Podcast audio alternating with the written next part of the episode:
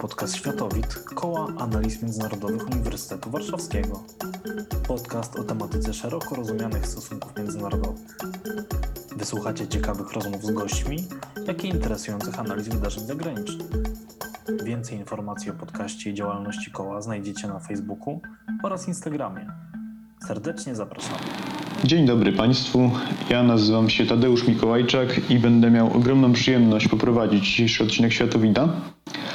Odcinek, w którym chciałbym skupić się na chyba najgorętszym wydarzeniu polityki międzynarodowej ostatnich dni, mianowicie na konflikcie Izraela z Palestyną. Dociera do nas coraz więcej zdjęć, coraz więcej materiałów wideo z Izraela, Palestyny, czy jakkolwiek zdecydujemy się ten teren nazwać bo już właściwie sama jego nazwa stanowi zaczątek tego konfliktu. Konfliktu, który przybierał już wielokrotnie postać zbrojną, jaką teraz obserwujemy, i konfliktu, który wpływa na stabilność całego Bliskiego Wschodu. Obydwie strony są w stanie wyprowadzić z historii bardzo dobre argumenty, dlaczego to ich państwo ma prawo bytu w tym miejscu. Jednak e, w celu obiektywnego i takiego bezstronnego prowadzenia tego podcastu, myślę, że warto dla całego obszaru poszukać innej nazwy niż nacechowanej poparciem, czy to dla jednej, czy to dla drugiej strony. Możemy nazwać ten teren Ziemią Świętą. Stamtąd wywodzą się wszystkie religie abrahamowe. Jednak to też nie oddaje należycie całego układu sytuacji. Państwo Izrael rozciąga się na dużo większym obszarze niż tylko Jerozolima z jej wszystkimi miejscami świętymi. To jest e, górzyste wybrzeże Szefela, to są żyzne gleby Galilei, które są bardzo ważne dla izraelskiego rolnictwa, strategicznie ważne wzgórza Golany. To jest też jezioro Genezaret, które stanowi największy zbiornik słodkiej wody dla zarówno Izraela, jak i autonomii palestyńskiej. Palestyńczykom, czy to tym mieszkającym na zachodnim brzegu, czy to w strefie gazy przypadł przede wszystkim e, południowa część wybrzeża i nieurodzajne górskie części zachodniej Jordanii. Możemy zupełnie bezstronnie nazwać to terytorium też geograficznym terminem południowego Lewantu, albo też archaiczną, już trochę religijną nazwą Kanaan, uznawaną zarówno przez Żydów, jak i muzułmanów. Tak samo jak różnią się od siebie te nazwy, tak różnią się też warunki życia w poszczególnych częściach południowego Lewantu, użyjmy tej nazwy na razie.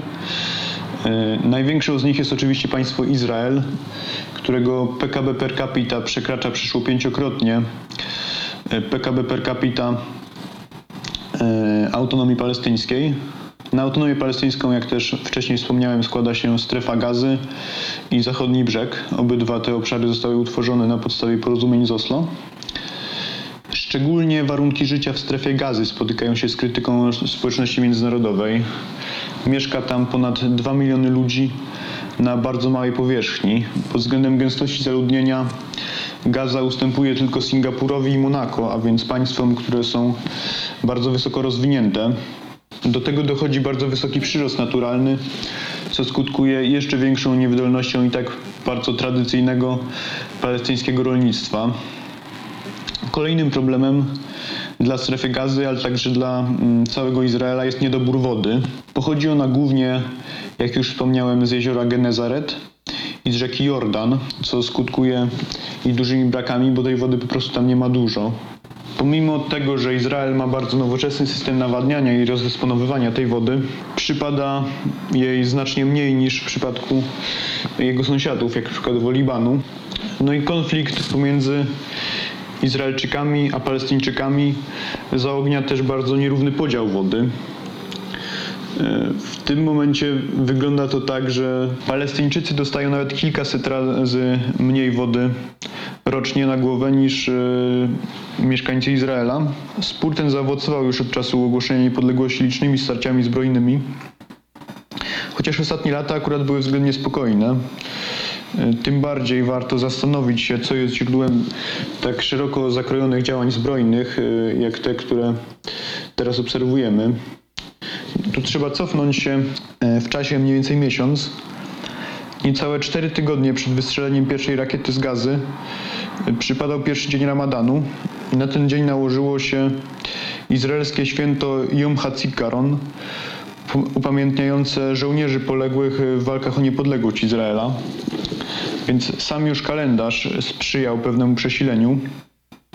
Jednak złożyło się tu znacznie więcej czynników. Jednym z tych czynników było to, że nieopodal meczetu Al-Aqsa, z którego transmitowane na cały muzułmański świat były mm, obrzędy Ramadanu, przemawiał akurat prezydent Izraela Reuven Rivlin. Mm, w związku z tym strona izraelska poprosiła meczet o zaprzestanie używania wtedy głośników na minaretach, co ich zdaniem zakłócało izraelskie uroczystości. Kierownictwo meczetu nie wyraziło na to jednak zgody, co poskutkowało wysłaniem tam oddziału izraelskiej policji, który w dość brutalny sposób po prostu przeciął kable od głośników i w ten sposób zakończył te domniemane zakłócenia. Międzynarodowa opinia publiczna nie zarejestrowała wtedy tak bardzo tego wejścia do meczetu, ale wydaje się z perspektywy czasu, że było ono jedno z ważniejszych czynników w tej eskalacji przemocy pomiędzy Izraelem a Hamas. Tutaj e, właściwie warto wyjaśnić, że Hamas jest to e, ekstremistyczna muzułmańska organizacja, która dąży do odzyskania przez Palestynę niepodległości w sposób zbrojny. Wygrali oni w 2006 roku e, wybory, demokratycznie przeprowadzone wybory zarówno w strefie gazy, jak i na zachodnim brzegu. Jako, że E, Hamas jest uznawany przez Unię Europejską, przez Stany Zjednoczone, przez e, większość członków NATO za organizację terrorystyczną. Wszystkie te kraje wstrzymały wtedy pomoc finansową dla Palestyny celem izolacji rządu Hamas.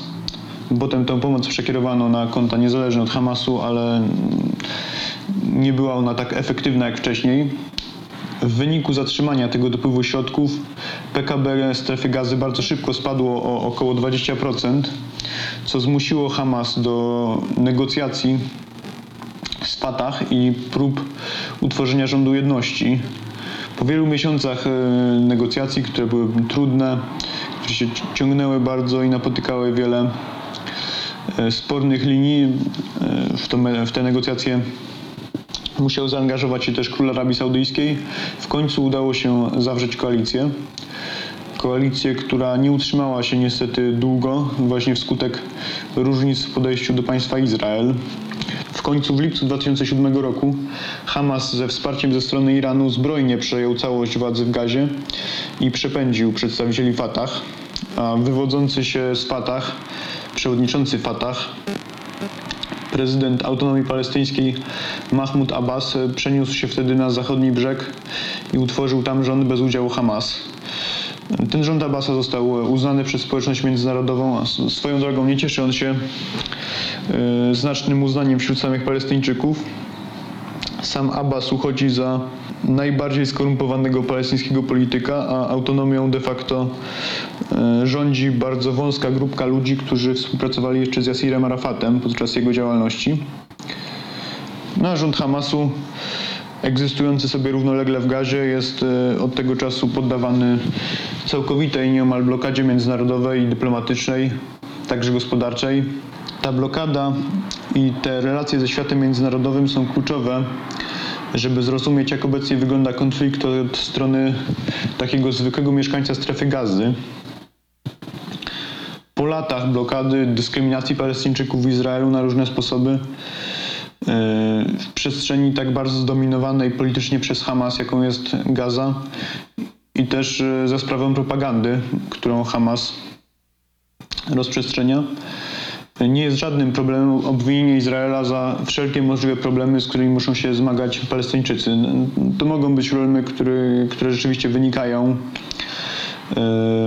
z zajęcia terytorium przez Izrael, ale także problemy, które e, wynikają z nieudolności w wykorzystywaniu środków przez Hamas, czy e, z zupełnie innych powodów. Właśnie z powodu tych nastrojów społecznych nie mówimy teraz już tylko o walkach pomiędzy Izraelem a Hamas, bo one zdarzają się w zasadzie cały czas, chociaż na nieporównywalnie mniejszą skalę. Ale myślę, że możemy mówić już tutaj o trzeciej intifadzie, o powstaniu palestyńskim. Naruszenie ich świętego miejsca, jakim jest meczet Al-Aqsa i to w czasie ramadanu, był idealnym wyzwalaczem agresji, nie na podłożu politycznym, ale religijnym, atak uderzający w islam, co przyczyniło się do dużo większych protestów niż nawet te, które miały miejsce po przeniesieniu przez e, Donalda Trumpa amerykańskiej ambasady do Jerozolimy, e, czy po normalizacji stosunków z Izraelem przez kilka państw arabskich, wbrew wieloletnim deklaracjom, że coś takiego się nie stanie do momentu rozwiązania konfliktu. Na pewno nikt z protestujących obecnie Palestyńczyków nie zapomniał o tych wydarzeniach i wpisują się one idealnie w obraz e, ciemiężonej przez izraelskiego okupanta Palestyny, ale czynników, które spowodowały, że dzisiaj sytuacja wygląda tak, jak wygląda, było wiele więcej. Ważnym czynnikiem były protesty e, Palestyńczyków przeciwko wysiedleniu sześciu rodzin z miejsca mm, planowanego nowego żydowskiego osiedla w okolicach Jerozolimy. Można więc powiedzieć, że to nie mieszkańcy Gazy czy w ogóle autonomii palestyńskiej, ale Palestyńczycy mieszkający w Izraelu rozpędzili ten spór do takich rozmiarów, z jakimi mamy dzisiaj do czynienia. Nie było to w interesie ani strony izraelskiej, ani Hamasu. 16 lat po ostatniej intifadzie armia izraelska mm, przenosi coraz większe siły na granicę północną, granicę z Libanem. To też e, Liban i Iran są e, wymieniane jako główne zagrożenia dla Izraela. Zapomina się trochę o tym quasi wewnętrznym zagrożeniu ze strony Hamasu. Hamas także miał inne problemy. Trzecia fala pandemii w Gazie e, z nieprzygotowywaną tam e, infrastrukturą medyczną była bardzo dużym wyzwaniem. Bezrobocie, które sięga już około 50%. To wszystko zachwiało poparciem Hamasu, a opinia społeczna w strefie gazy zaczęła skłaniać się ku kwestiom ekonomicznym kosztem wiecznej wojny w Izraelu. Do tego zbliżały się pierwsze od 15 lat wybory parlamentarne w Gazie, do których przygotował, przygotowywał się Hamas, ale także inne stronnictwa polityczne. W międzyczasie Mahmoud Abbas oczywiście e, w związku z wybuchem przemocy odwołał te wybory i na razie ich nie będzie. Ale ważne tutaj jest, że w momencie takiego oddolnego wzmożenia, znany ze swojej bezkompromisowości e, w stosunku do Izraela Hamas, e, nie mógł po prostu e, nic nie zrobić. Musiał się w te działania włączyć. Inaczej mógłby stracić część swojego poparcia na rzecz innych, mm, także radykalnych, mniejszych ugrupowań palestyńskich. Sam fakt, że na kilka dni przed rozpoczęciem ostrzału rakietowego dowódca wojsk Hamasu, Muhammad Daif, wydał e, oświadczenie, które wzywało mm, do zaprzestania ataków na Arabów w Izraelu.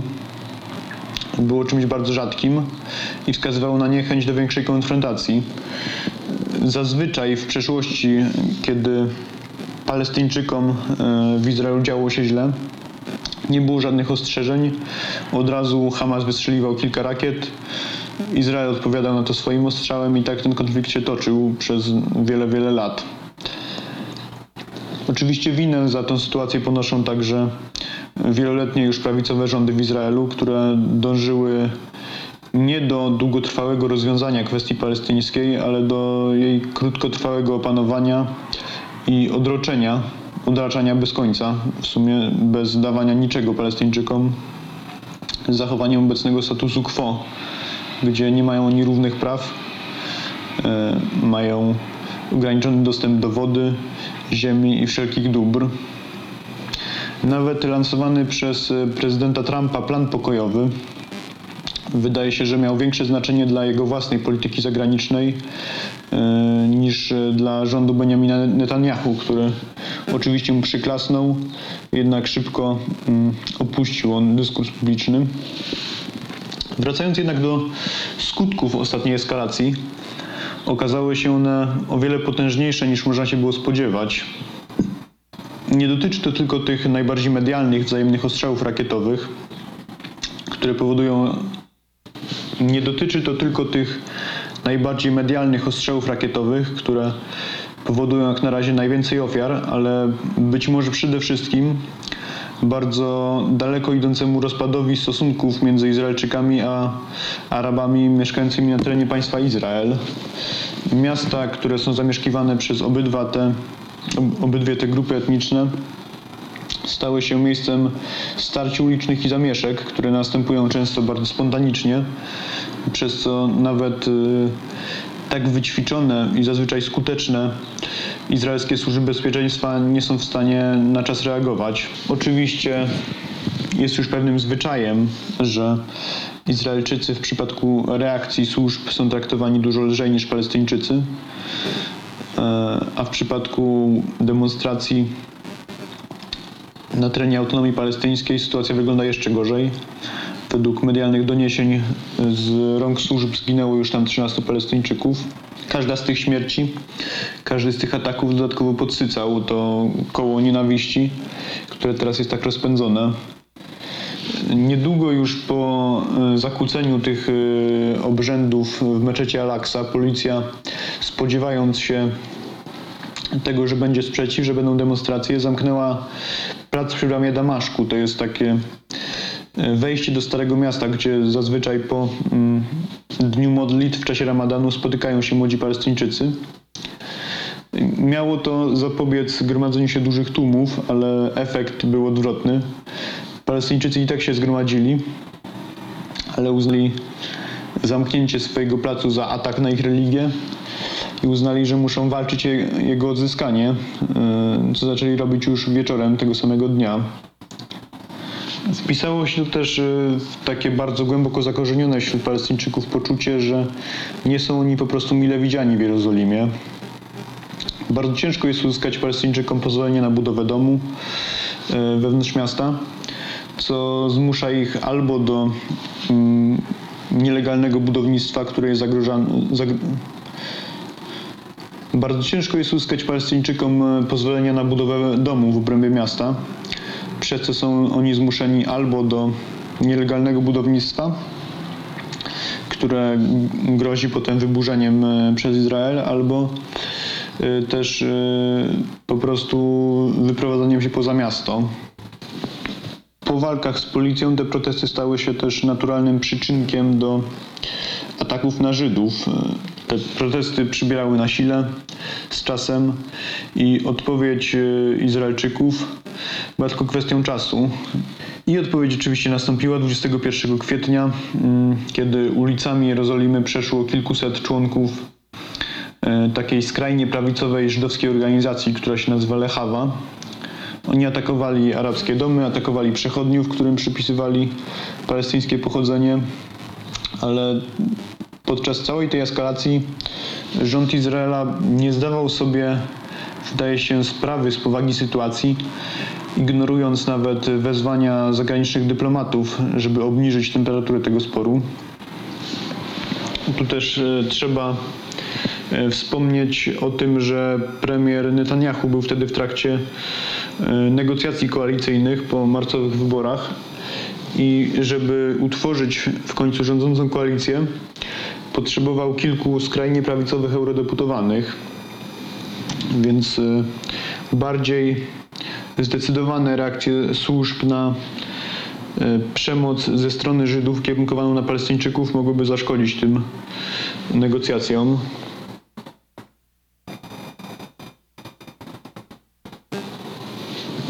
Negocjacje dla Netanyahu mają też e, pewien taki personalny aspekt.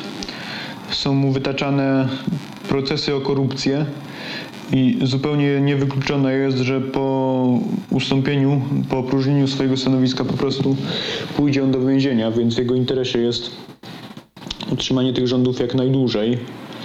A jednym z tych prawicowych deputowanych, z którymi wtedy rozmawiał, był e, człowiek, który nazywa się Ben Gwir, dawny prawnik Lechawy, czyli mm, tej organizacji, która właśnie na ulicach Jerozolimy zaczęła atakować Palestyńczyków. To jest człowiek, który jest zwolennikiem deportacji Arabów, których uzna z jakiegoś powodu za nielojalnych Izraelowi.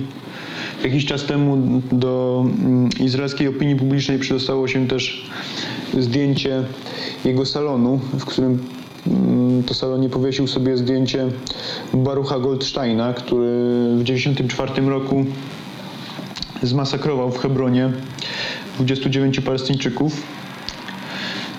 E, Tych wydarzeń, które mogły zaognić spór, było już bardzo dużo, ale nadal to nie wystarczało, żeby przerodziły się one w walki na tak dużą skalę, z jaką teraz mamy do czynienia. Nie wystarczały do 7 maja, do ostatniego dnia Ramadanu, kiedy izraelska policja wdarła się do meczetu Al-Aqsa i wdarła się w taki bardzo brutalny sposób, strzelając e, gumowymi kulami do Palestyńczyków, którzy bronili meczetu. Nie wiadomo do końca dlaczego się tam wdarli, ale widok e, policji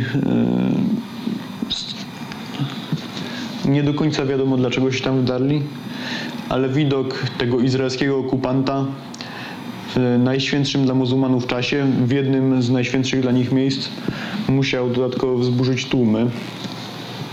Trzy dni później przypadało kolejne izraelskie święto o bardzo nacjonalistycznym wydźwięku. Mianowicie e, była to rocznica zdobycia wschodniej Jerozolimy, a więc święto, które też e, w bardzo bezpośredni sposób uderza w e, tożsamość Palestyńczyków. Już są tradycją odbywające się podczas tego święta e, przemarsze izraelskich nacjonalistów, próby ich wejścia na wzgórze świątynne, na którym właśnie znajduje się meczet Al-Aqsa. No i w tym momencie już było wiadomo, że to się nie skończy dobrze. E, Krótko po 18 lokalnego czasu rozpoczął się wreszcie ostrzał rakietowy z gazy. Mówiąc już o tym ostrzale, nie sposób nie zauważyć e, jego intensywności i rozwoju technologicznego, jaki Hamas musiał poczynić od czasów ostatniej intifady. Byli oni w stanie w bardzo krótkim czasie wystrzelić bardzo duże salwy rakiet. To są już ponad 2000 rakiet. I nic nie wskazuje, żeby składy tych rakiet były na wyczerpaniu. Kolejną rzeczą jest zasięg rakiet. Rakiet, które są produkowane przede wszystkim na terenie gazy w dość amatorski sposób. Wiele z wystrzelonych w ostatnich dniach rakiet było w stanie już polecieć nie kilka do kilkunastu kilometrów, jak to wcześniej miało miejsce, ale kilkadziesiąt. Y, Do niedawna niewyobrażalne było, żeby e, rakiety Hamasu były w stanie dolecieć w okolicy Tel Awiwu czy Izraela. Tu jest pewne, że część tych rakiet pochodzi z przemytu e, z Iranu i Libanu, ale wydaje się, że blokada gazy jest na tyle szczelna, że część z nich musiała być wyprodukowana na miejscu tymi e, właśnie amatorskimi metodami. Z drugiej strony mogliśmy obserwować bardzo sprawne działanie izraelskiego systemu antyrakietowego Iron Dome. Według wojskowych strąca on nawet 85% nadlatujących rakiet. Według wojskowych strąca on nawet 85% nad- nadlatujących rakiet. A to nie mogłoby mieć miejsca bez e, wielomiliardowego wsparcia armii izraelskiej przez Stany Zjednoczone. To są pieniądze, które przez wiele lat były gwarantem bezpieczeństwa Izraela. I w związku z tym też e, nawet za prezydentury Joe Bidena, tym bardziej po kadencji e, Trumpa i wszystkich rzeczach, jakie on zrobił w kontekście sporu izraelsko-palestyńskiego, jak właśnie przeniesienie ambasady do Izraela. Stany nie są w stanie przyjąć e, bezstronnej roli mediatora, do której często aspirują, ale mimo wszystko to nie reakcja Stanów dziwi najbardziej, a reakcja innych państw arabskich, a raczej brak reakcji.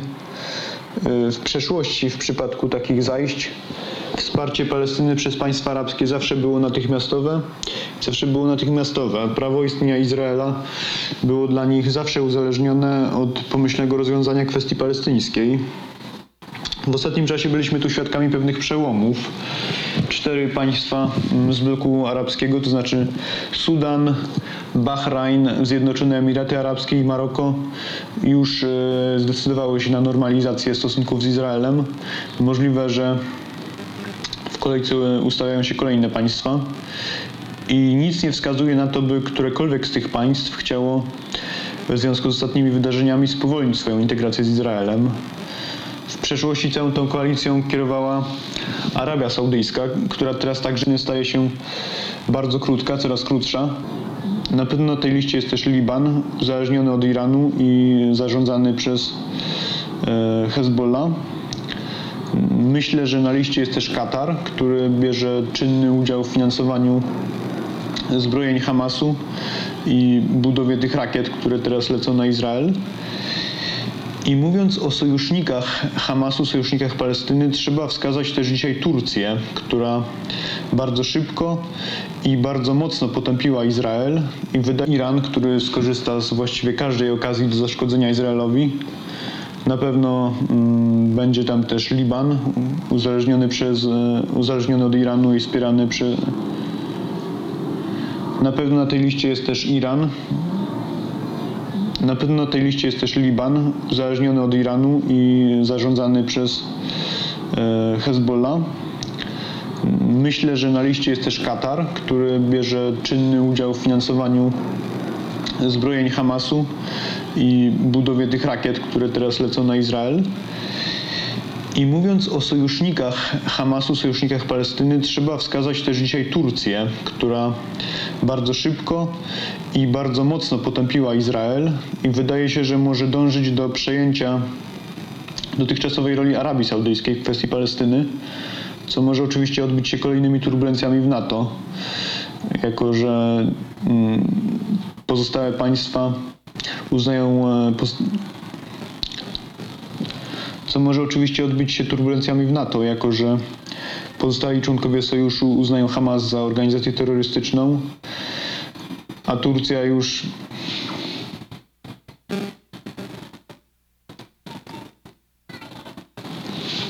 Może to odbyć się na pewno pewnymi turbulencjami w NATO, jako że Hamas jest uznawany przez większość członków sojuszu, w tym najważniejszych członków, za organizację terrorystyczną.